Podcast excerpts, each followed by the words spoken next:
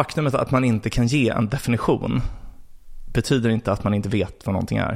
Här kommer jag och fuckar upp allting du trodde vi byggt upp Här kommer jag och fuckar upp allting du trodde vi byggt upp Här kommer jag och fuckar upp allting du trodde vi byggt upp Här kommer jag och fuckar upp Här kommer jag och fuckar upp Okej, vänta. Okej, vänta, nu ska jag vänta. Jag spelar in eller? Ja. Okej. Hej och välkomna till podcasten Om och Men där vi reder ut det ni tycker är krångligt och krånglar till det ni trodde redan var utrett. Med mig Vincent Flink Kamlenäs. Och med mig Beatrice Erkers. Nu kör vi igång ännu ett härligt avsnitt. Ja, Vad eh, har hänt sen sist? Länge sedan Eh. vi sågs. väldigt länge sedan. Ehm, m- men jag har varit ute och, och rest och flängt lite. Ehm, så det, det har varit kul. Det var ganska skönt att slippa vinter, februari. Ehm, Ja. Men jag kom hem nu för eh, någon dag sedan och jag är ganska bäng och jetlaggad just nu. Så jag vill bara flagga för det under resten av avsnittet. Du bäng alltså. Eh, jag är bäng. Eh, det är verkligen det, det, är det som jag tycker bäst beskriver jetlag Ja. överlag. Det, är det liksom eh, att man är seg i Västsverige? För, men, I Stockholm betyder det att man har rökt gräs. Men eh, det är kanske är det du har, jag vet inte. ja, för mig så Ja. betyder det liksom, alltså jag har absolut hört folk använda det i, i kontexten att man har rökt gräs också. Mm. Men för mig är det typ så att jag, jag känner mig liksom lite virrig och snurrig bara och typ så här, jaha, ja. Och Ja. lite, ja, jag vet inte, in, Ja, nice, nice. inte, inte mm, snappy och smart liksom. Jag fattar. Det låter som hela mitt liv, typ att man känner sig lite virrig och Man, borta. man tänker långsamt typ. Ja. Ehm, ja, men jag har haft det jättebra. Ehm, jag har... ehm, ehm, jag, varit, jag var i San Francisco först. och då var jag på konferens Aha, nice. eh, i Global. Och sen så var jag på... Um, vi hostade en, ett hackathon. Ah. så, och det gick bra. Det gick jättebra. Så det var kul. Eh, och sen så åkte jag till Nya Zeeland och hälsade på min kompis och kollega. Det var så jävla nice. Ja, det verkar helt otroligt. Jag har ju följt dig på Instagram, den gamla boomer-appen som ni säkert känner till, kära lyssnare. Det var, ja men det var, jag, jag hade inte, jag, alltså jag vet att hon har sagt att hon är uppvuxen i bergen så här, i Nya Ja. Zeeland. Men jag hade inte fattat att hon verkligen är, jag vet inte, uppvuxen i bergen. Alltså så här, det var, hon, ehm, vi, var, vi bodde hemma hos hennes föräldrar då. Ja, Som hade, de hade ett hus och de hade en få, fårfarm. wow. Väldigt nyzeeländskt. Ja, Ehm, typ 45 minuter utanför Queenstown. ja. Eh, och det är verkligen så här bergen och så här, man såg från, från liksom huset såg man um, bergskedjan The Remarkables som till exempel Ah. används i Sagan om ringen som så här, eh, ehm, det är när de vandrar, jag tror det är när de vandrar till Moria och de går över bergskedjan. Remarkables. Karadras. Ja. Ja, jävligt coolt. Och, och typ det var, jag tror de hade spelat in vissa delar av den här scenen när Arwen rider ehm, och blir jagad Ja, just det. på, ja. på Nivs föräldrars mark. Liksom. Alltså, Aha, wow. alla där Hade de sån här vattenhästar och så också eller? En- Om de hade. Eh, nej, tyvärr. Just den scenen eh, tror jag, vi åkte till dit just den scenen var inspelad i Glenorchy. Aha. ehm, som var ett, ett annat ställe där. Ehm, men, eh, ja, men det var bara så jäkla lyxigt. Och, och det var Sagan om ringen överallt. Ja, wow. Alltså vart man än såg. Det var också väldigt intressant hur, för, för då, min kollega är uppvuxen där. ehm, och Queenstown när de eh, bodde där på liksom 90-talet var 5000 pers. Mm. Eh, och nu så är det så här um, 3 miljoner besökare per år. Oj. Ehm, ja. Och det är en, På grund av Lord of the Rings eller? Ja jag antar Ja. det. Alltså så här, jag antar Lord of the Rings.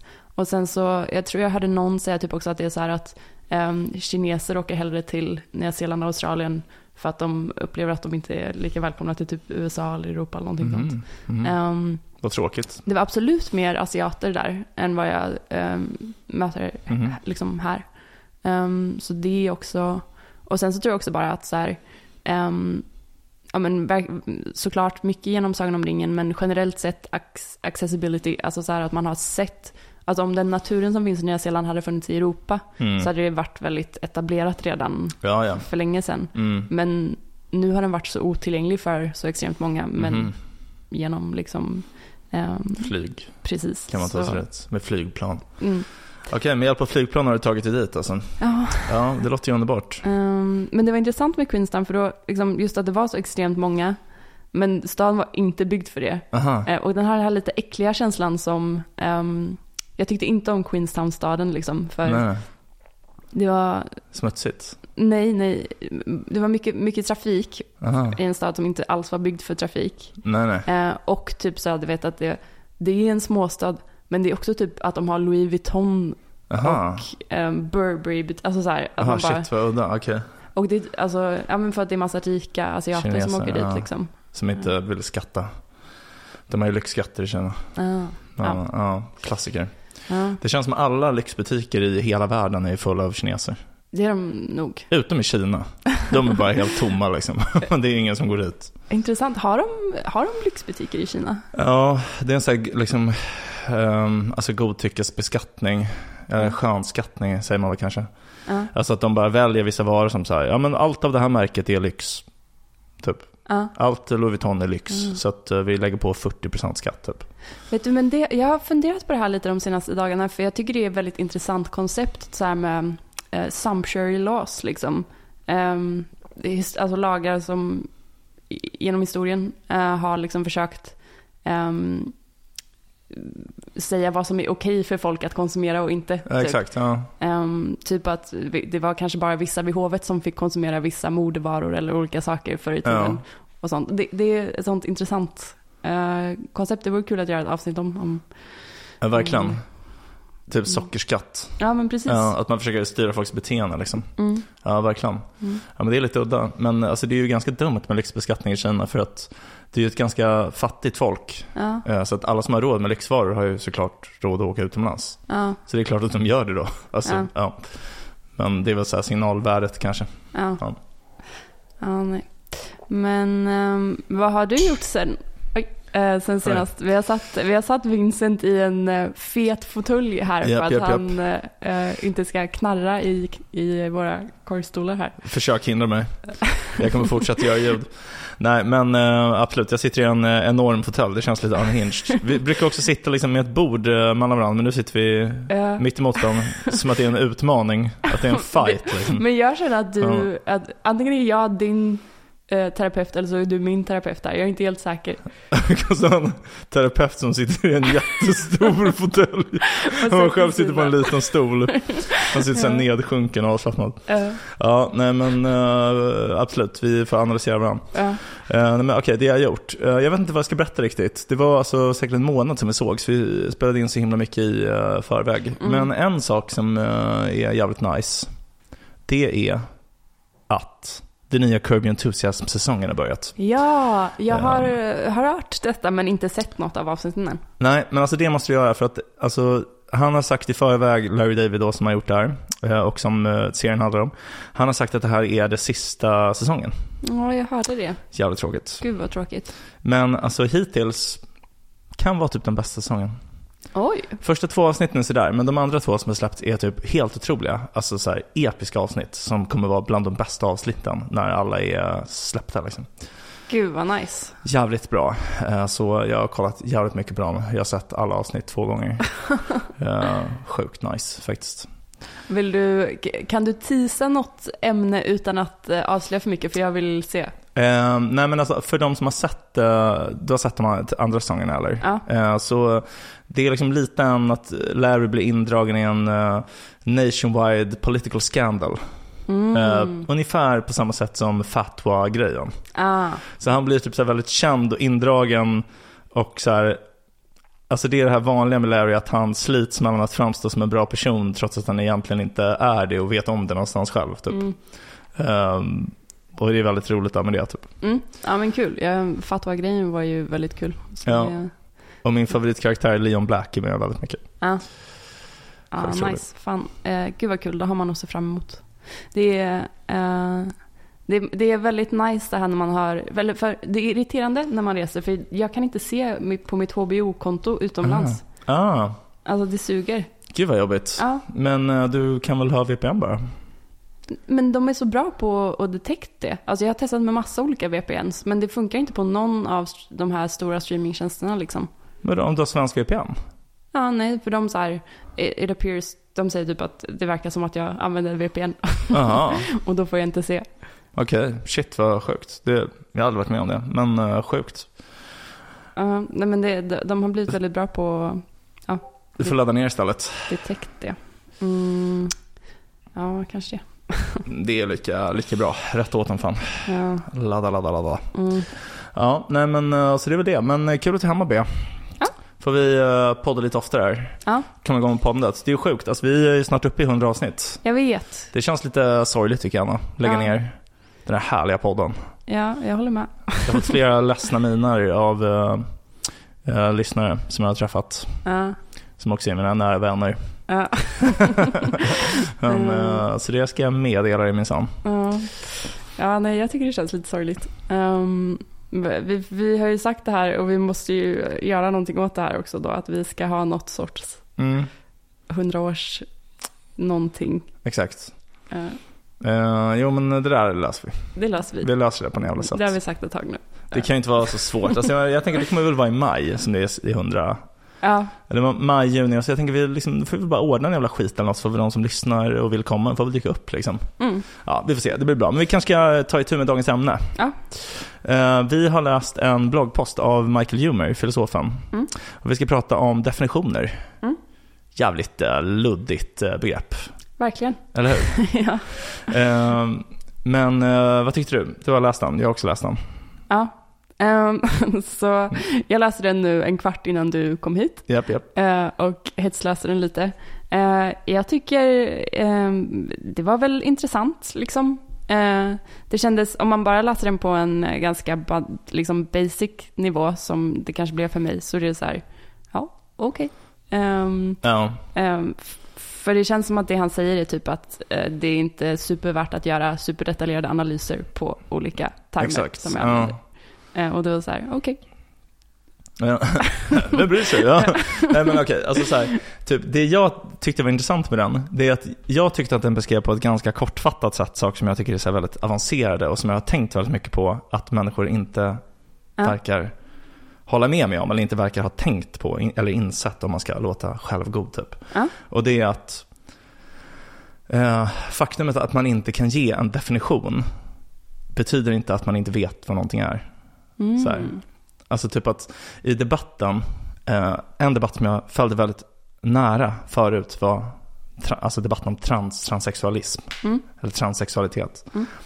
Och det var väldigt många folk sa så här, men hur, hur definierar du en kvinna typ? Av någon anledning så kretsar allting bara kring hur man definierar kvinna och aldrig hur man definierar en man. Jag vet inte, det är väl det som är det känsliga typ. Mm.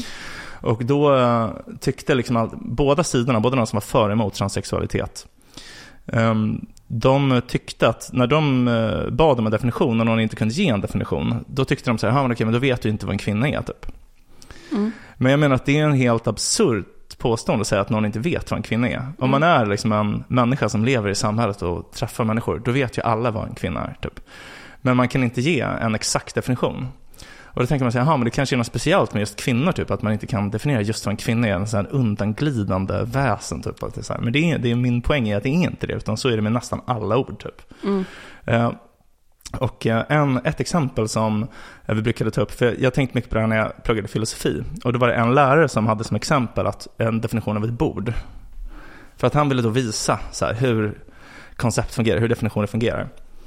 Och då visade han genom att fråga typ så här, vad, eh, vad är ett bord? Eh, och med definition så menade han då liksom att en beskrivning som täcker alla fall av bord, alltså alla bord, men inte någonting annat. Så det är en beskrivning som stämmer överens på, på alla, allt som vi kallar bord, men inte på någonting annat. Mm. Det skulle man ju kunna tänka sig en definition. Mm.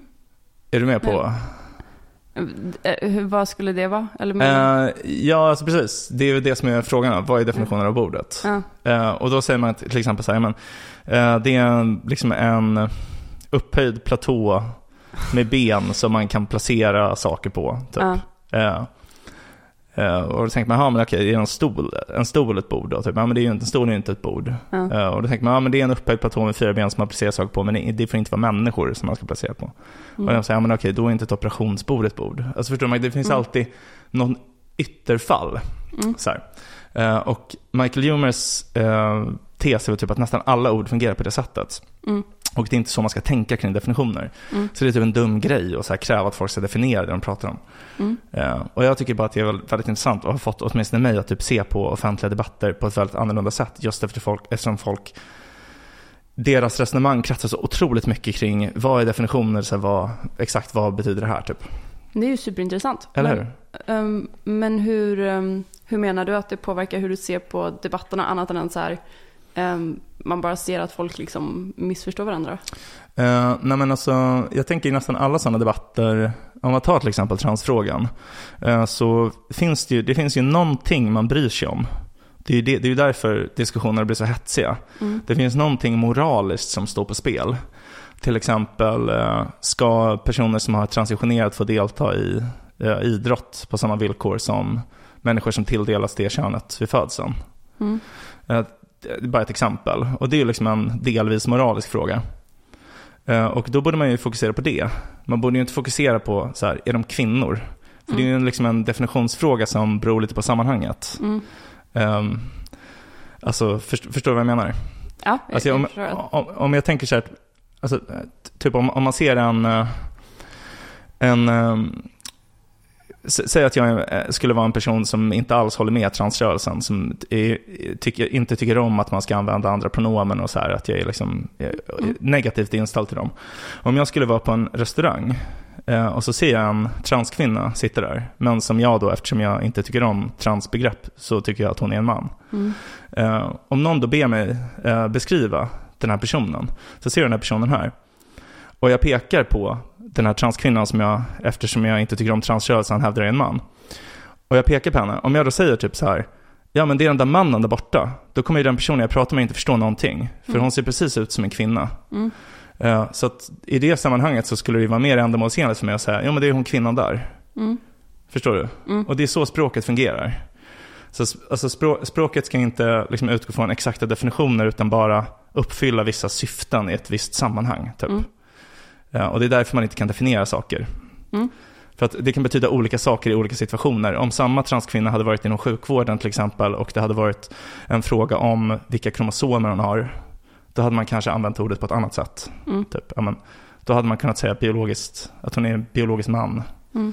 i det här hänseendet. Typ. Mm. Ja.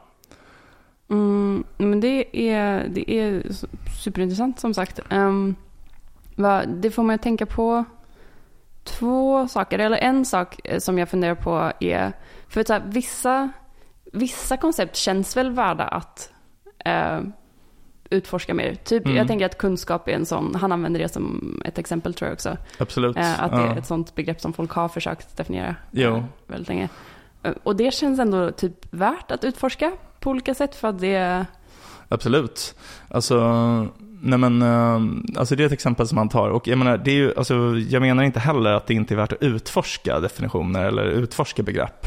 Det är ju ofta, men jag menar bara typ så här, faktumet att man inte kan ge en exakt definition betyder inte att man inte förstår begreppet. Mm. Men det kan ju ändå vara intressant att säga typ så här, hur används det här ordet i vårt språk? Typ så här, vad syftar vi på? Hur kommer det sig att vi kallar det här för eh, eh, en sjukdom, men vi kallar inte det här för en sjukdom till exempel. Men om man inte kan ge en exakt definition av vad en sjukdom är så betyder det inte att man inte vet vad det är. Typ. Nej, man kan inte avfärda någonting bara för att man inte kan Exakt. Ja. definition. Um, för det, alltså jag tycker det är intressant också för att alltså det här knepet att säga typ hur definierar du X, hur definierar du Y som ett debattknep, det är ju inte egentligen alltid typ bara ett sätt att försöka sätta dit någon tror jag. Utan jag tror att människor som säger så tror att de bidrar till att diskussionen blir mer rationell. Mm. Alltså de tror att man bidrar till att säga att vi måste först ha koll på våra definitioner innan vi kan börja diskutera. Ja. Men e- egentligen blir det motsatsen. Egentligen så blir diskussionen bara helt så här, det blir bara en stalemate. Om man, ja, den blir ju det om det blir eh, att folk ska ha Alltså, för det är ju det är fortfarande konstruktivt tänker jag att förstå hur någon förstår eller uppfattar begreppet. jo, Ehm, och att man då skulle kunna, ja, då kan man bättre förstå vad det är de menar. Men, men däremot att eh, om man frågar det på ett sätt som är liksom, ehm, hur definierar du det här? ja. Eh, och sen så ska man bara säga emot det. Det blir ju fel, tänker jag. Jo, exakt. Ehm, exakt. Och det är alltså typ, ehm, en, en annan grej som är intressant är att det som folk ofta använder som definitioner, det är det som står i ordboken. Typ. Mm. Alltså bara, ja men, eh, till exempel nu, Saul. vad säger? Saul. Eh, Svenska Akademin Saul. Ja. Jag tänkte på det bara för att det är så här, eh, nu när man skrev så här eh, papers på universitetet Ja. eller uppsatser, eh, att det var alltid att man skulle skriva någonting som var så här, definieras som, och så var liksom hur Ja. definierades det Saul. Ja, förlåt. Ja, nej men verkligen så eh, lazy öppning liksom. Men verkligen. Eh, jag kommer ihåg att eh, det var en kille i min grundskoleklass som började alla uppsatser redan de gamla grekerna. så jävla skitnöd i början liksom. Och sen handlade det om typ eh, varför droger ska vara lagliga och så. men, ja, men Funkar på allt. exakt. Uh, nej men vad skulle jag säga? Jo men man ofta använder ordlistans definitioner. Ja, exakt. Eh, och en, en grej som talar för, alltså min syn på definitioner, det är ju att ordlistan har ju nästan alltid exempel. Alltså om Mm. du går in i, eh, eller Svenska Akademiens ordbok i varje fall, den stora versionen, de har alltid massor av exempel. Ofta som går tillbaks i tiden, så att man ser hur har det använts med olika exempel tillbaks i tiden. Och det är ju de exemplen som ger den verkliga kunskapen om ordets innebörd. Mm. För att det jag menar med liksom så här, när, du, när du har lärt dig innebörden av ett ord, det det betyder att du har lärt dig det, det är liksom att du vet när, i vilka situationer du ska använda ordet. Mm. Det betyder inte att du kan ge en heltäckande definition. Mm. Det betyder bara typ att du kommer inte använda det i helt fel sammanhang, bara pålitligt liksom. Mm. Så. Men får jag fråga, ehm, så du gav exemplet på det här med att man ofta frågar om definitionerna i, i debatt. Ja. Ehm, men ehm, hur, hur tycker du man använder det? Eller hur, hur, hur formulerar man en debatt konstruktivt då? Eh, nej men alltså, jag tänker mer att man, just den här frågan om att man ber någon om en definition. Det är anledningen till att man ställer den frågan, det är ju liksom att så här, men jag vet någonting som jag tycker är viktigt.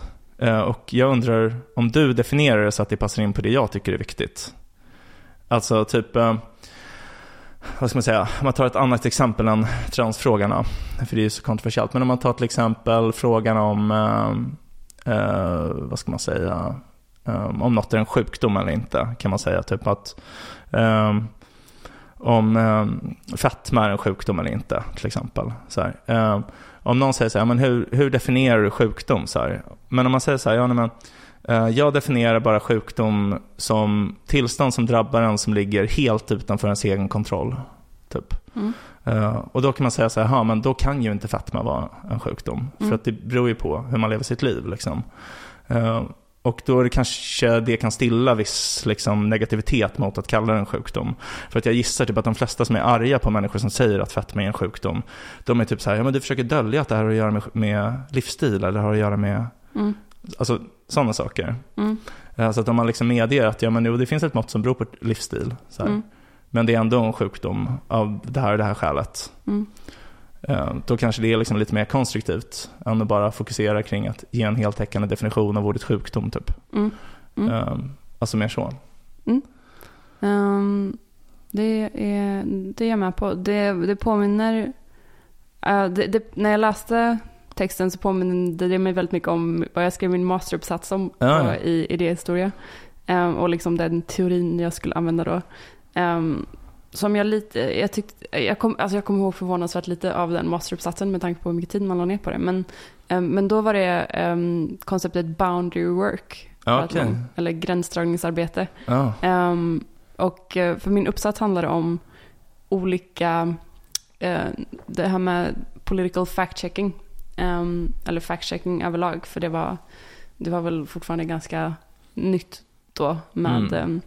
Och väldigt aktuellt i debatten också kring så här Trump eller typ att han kan säga någonting eh, och så, eh, som är helt uppenbart eh, liksom faktafel. Mm. Ehm, Men det är massa som tror på det. Men då, eh, då finns det flera olika faktacheckningsorganisationer, typ Politico Mm. ehm, och factchecking.org som var på Washington Post och sådär tror jag. Ehm, Och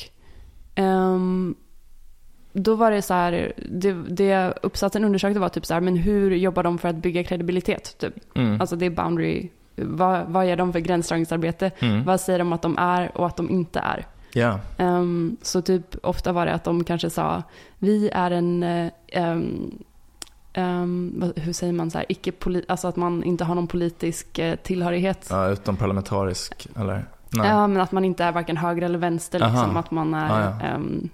Ehm, ja. utan färg. ja. Ehm, det var ofta någonting de sa, att så här, vi är inte eh, politiska, vi vill bara Mm. ha faktan liksom. Mm. Ehm, och de kanske, det var viktigt att de um, för, ja, försökte ha liksom olika källor, eh, Mm. tilltalade olika Mm. läsare och sådana grejer. Så det var ofta viktigt typ så att intervjua folk från, både kanske från höger och vänsterpolitiker och sånt. Och det var ofta liksom att man behövde bara liksom na- navigera det här minfältet av Mhm, att liksom mm. ehm, skapa kunskap som tilltalar både höger och vänsterväljare. Det var ju framförallt i USA då som jag kollade Mm. på. Mm. Så För det, att hålla sig opolitiska liksom. ja, precis för att ses som opolitiska. Mm. Det var, alla tyckte att de var politiska.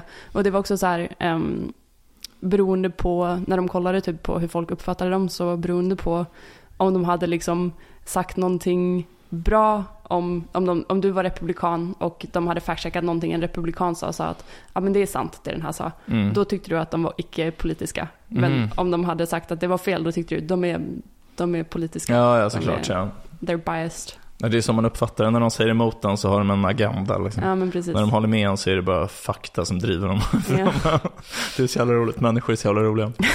Det, det är en annan grej som jag har tänkt på, alltså som inte hört lämnat då, men som är hur, um, alltså man, när, alltså man kan göra två olika tolkningar av samma fakta. Eh, och att det kan vara så att båda inte förstår hur den andra kan göra den tolkningen. Alltså Mm. bara tycker så här att Alltså att det är en helt löjlig, en löjeväckande galen tolkning. Fast båda tycker det om varandra typ. Men har du något exempel? Ja, men, alltså, typ ett exempel som är att ehm, de eh, staterna i USA eh, som har störst eh, sannolikhet att du blir skjuten till döds av en kriminell person. Mm. Eh, de är också de staterna där alltså, vapen är hårdast reglerade. Mm. Alltså det är liksom väldigt mycket svårare att få ha ett vapen. Mm. Och det är mycket högre risk att du blir dödad av en kriminell. Mm. Eh, och såklart så är alla som är mot regleringar säger bara eh, ja, obviously. Typ att om du har jättesvårt att hitta ett vapen för att försvara dig Mm. så är det större risk att du blir skjuten. Mm. Och om man tänker på det, bara, ja, det låter ju helt självklart. Men de andra säger typ så bara, ja, obviously, de har mycket större problem med kriminalitet så att därför reglerar de hårdare. Ja. Och det låter ju också typ helt obvious när man tänker på det. Ja. Och det är bara så jävla kul typ hur båda sidor bara kan vara så helt sjukt självsäkra liksom, men de bara säger två helt motsatta saker om samma grej typ. Ja, verkligen. Um, det är, de, 80,000 hours släppte ju ett poddavsnitt nu i dagarna med Hugo Mercier som, um, har du läst den, The Enigma of Reason eller? Um, Nej, men jag känner igen det som fan. Jag tror kanske du har pratat om den. ja, Eller har jag läst den? Du, vi Vad handlar den om?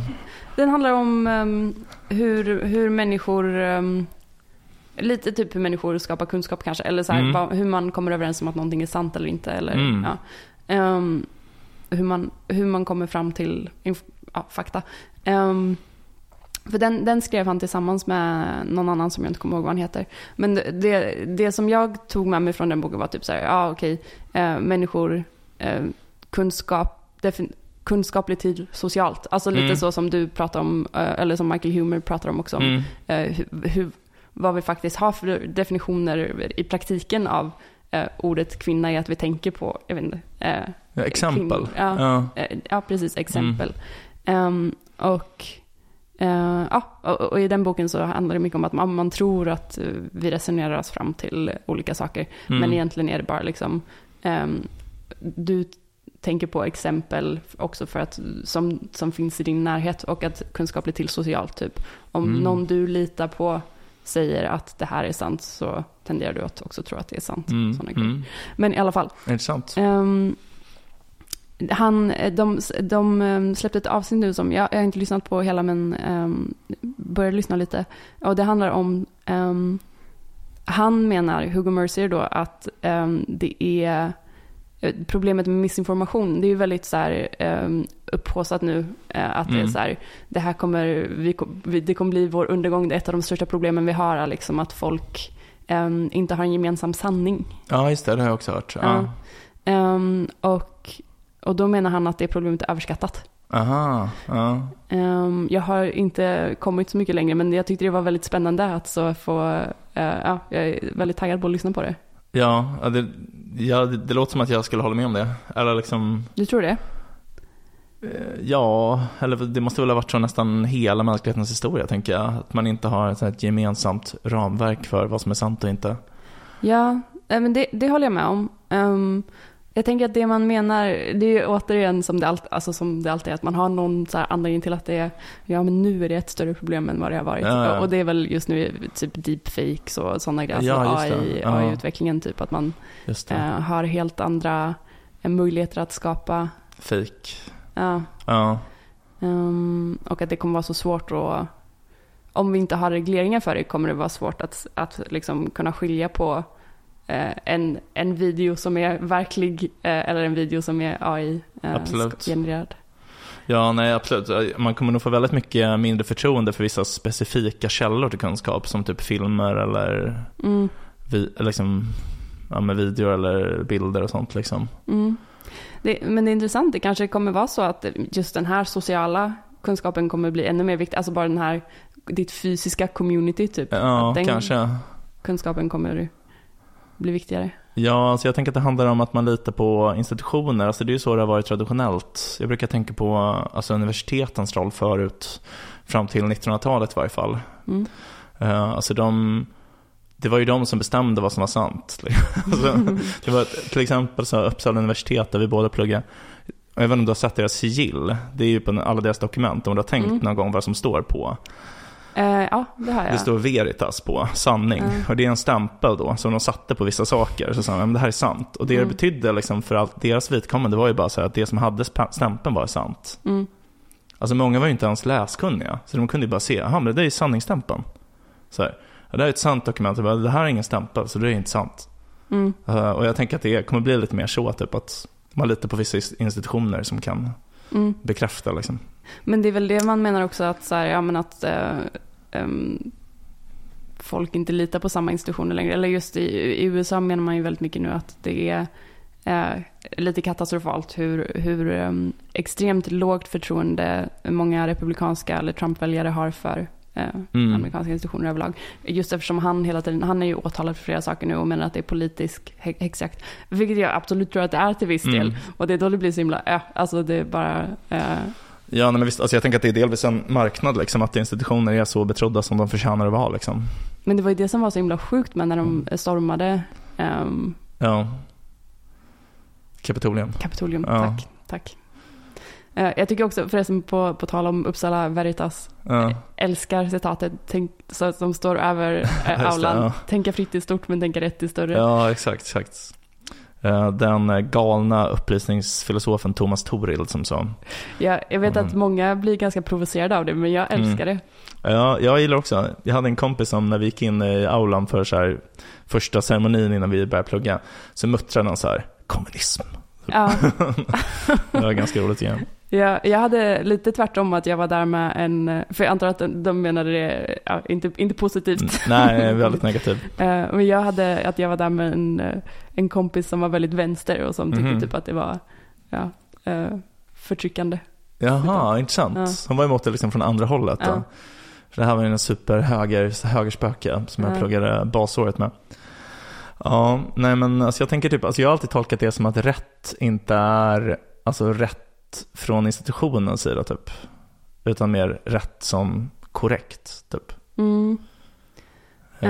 Eh, ja, jag, jag, tror- jag vet inte, vad jag, jag har nog läst in ganska fritt i det att jag har så här bara, som sagt, jag har, upplever att jag har stött på många som så här, jag tycker att de är lite, de tänker för fritt. Bara, alltså Ja. så här, ja, verkligen. det, så att, Ja. ja. men, uttrycket jag brukar använda är typ att det känns som att deras hjärnor trillar ur. Liksom. Alltså så här att man, men det är ju inte ens konstruktivt att tänka så här fritt. Nej, nej jag håller med. Nej, alltså det, är jag, det är så många människor som har det motsatta problemet, jag håller verkligen med. Ja. Alltså typ he- hela idén med uh, kritiskt tänkande är ju typ ganska dum när man tänker på det.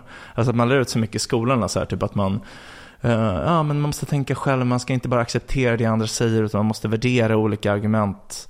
Man bara, men alltså det är orimligt. Mm. Det är orimligt, för alltså typ med så här, miljöfrågan och sådär, typ, vad betyder det att man ska tänka kritiskt? Mm. Alltså, det är jätteavancerade vetenskapliga frågor typ. Mm. Det, man kanske kan tänka kritiskt när man avgör vem som är en expert typ, men Ja, vi- vi hade väl ett helt avsnitt om kritiskt tänkande? Jaha, okej, jag bara upprepar mig. Eller? Ja, ja men sä- säkert, säkert. Jag tror vi Men hade det. Um, det var säkert Michael Humer. Säkert Michael Humer också, fan det är allt jag gör, läser Michael Humers eh, böcker. Ja, men då, men då, jag tror vi landade lite i det du sa. Eh, Ja. Alltså det här med att ehm, det är typ inte värt att tänka kritiskt själv, men du kan tänka lite kritiskt kanske kring vilka, vilka vars kunskapskapital kapital du litar på. Ja, exakt. Ja, men det var ju, fan vad bra till André. Fan Ja. vad smart du är. Det var ju kritiska. Ja, Ja, men de riktigt kritiskt, kritiska tänkarna, det är ju liksom eh, folk med psykossjukdomar. ja, De, de borde ju förtjäna stora A liksom, i alla sådana här eh, humanistiska ämnen ja, i, eh, i grundskolan. Jag vill sant. inte, inte raljera, men det, är- det är ju så ändå. Det är ju slutdestinationen, Ja. den kritiska tanken. ja, alltså typ konspirationstänkande bara tänker jag. Alltså så här, det är ju, ja, Exakt. toppen kritiskt Ja, tänkande. verkligen. MVG. Ja, Ja. Ja. Nej men, ehm, ja, nej men alltså det var väl typ det jag hade att säga om definitioner egentligen. Mm. Ehm, men jag kan verkligen tipsa om den här bloggen för er som lyssnar och inte har eh, kollat på den. Den heter Fake News. Mm. Alltså N-O-U-S som betyder eh, varande på grekiska. Uh, så här, ett filosofiskt term. Fake news. nördigt. Väldigt nördigt. Men han är sjukt rolig. Han är min absoluta favoritfilosof. Och jag har precis läst ut en annan bok av honom om epistemologi som jag också kan tipsa om. Oh. Den heter Understanding Knowledge.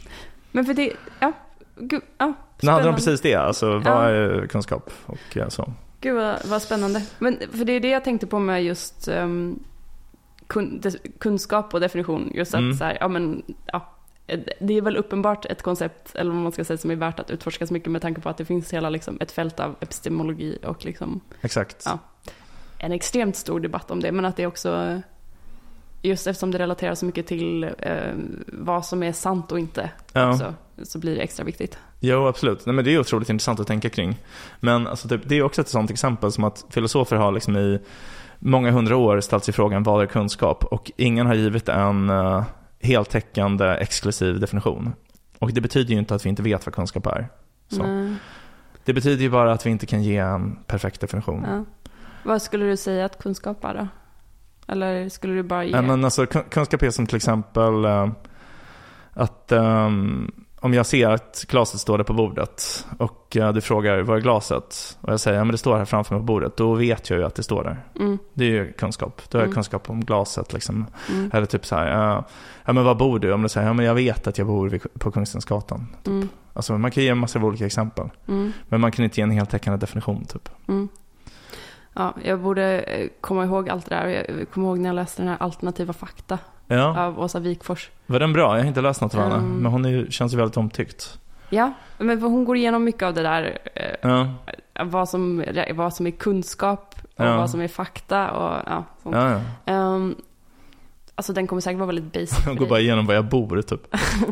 den, den kommer nog vara jättebasic för dig, eh, tänker jag. Men för vi, när jag jobbade på bokförlaget Fri Tanke som gav ut den så hade vi ju att vi, Björn Ulvaeus sponsrade typ att vi Ja, gav den till alla, om det var ni, typ första ringare i gymnasiet eller någonting sånt. Ja, ja. ja. Alltså alla i hela Sverige. Så det var typ 200 000, eller jag kommer inte ihåg. Det var en jävla massa böcker. ja jävligt coolt.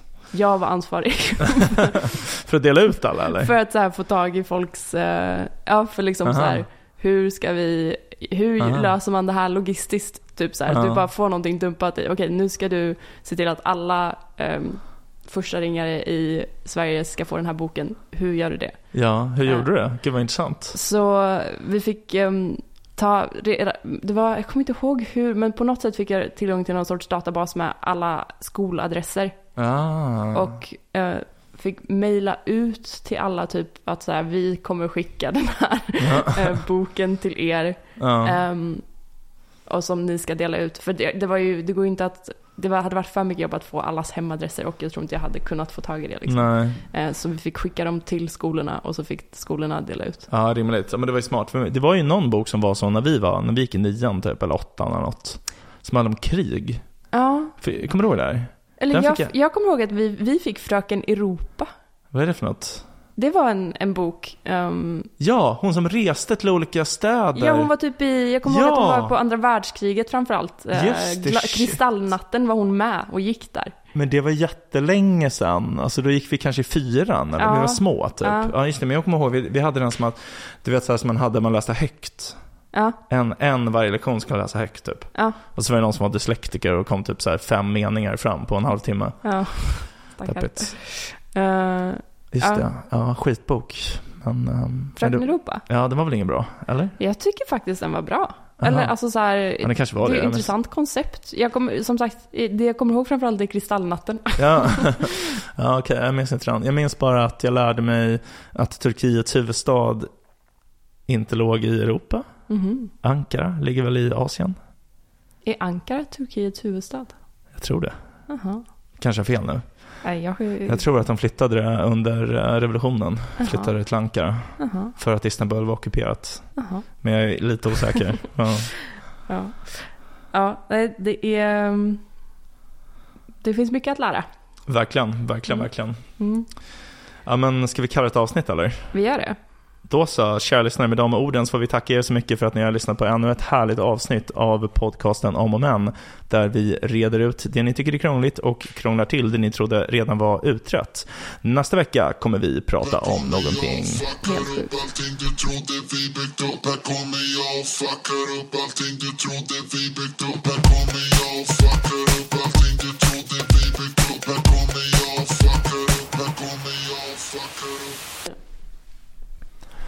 Du har lyssnat på podcasten Om och Men med mig, Vincent Flink Amlenäs och med Beatrice Erkers. Om du har några frågor eller förslag på någonting vi kan prata om i programmet kan du nå oss på mejladressen omochmän.gmail.com omochmän.gmail.com Vi kommer svara på alla mejl.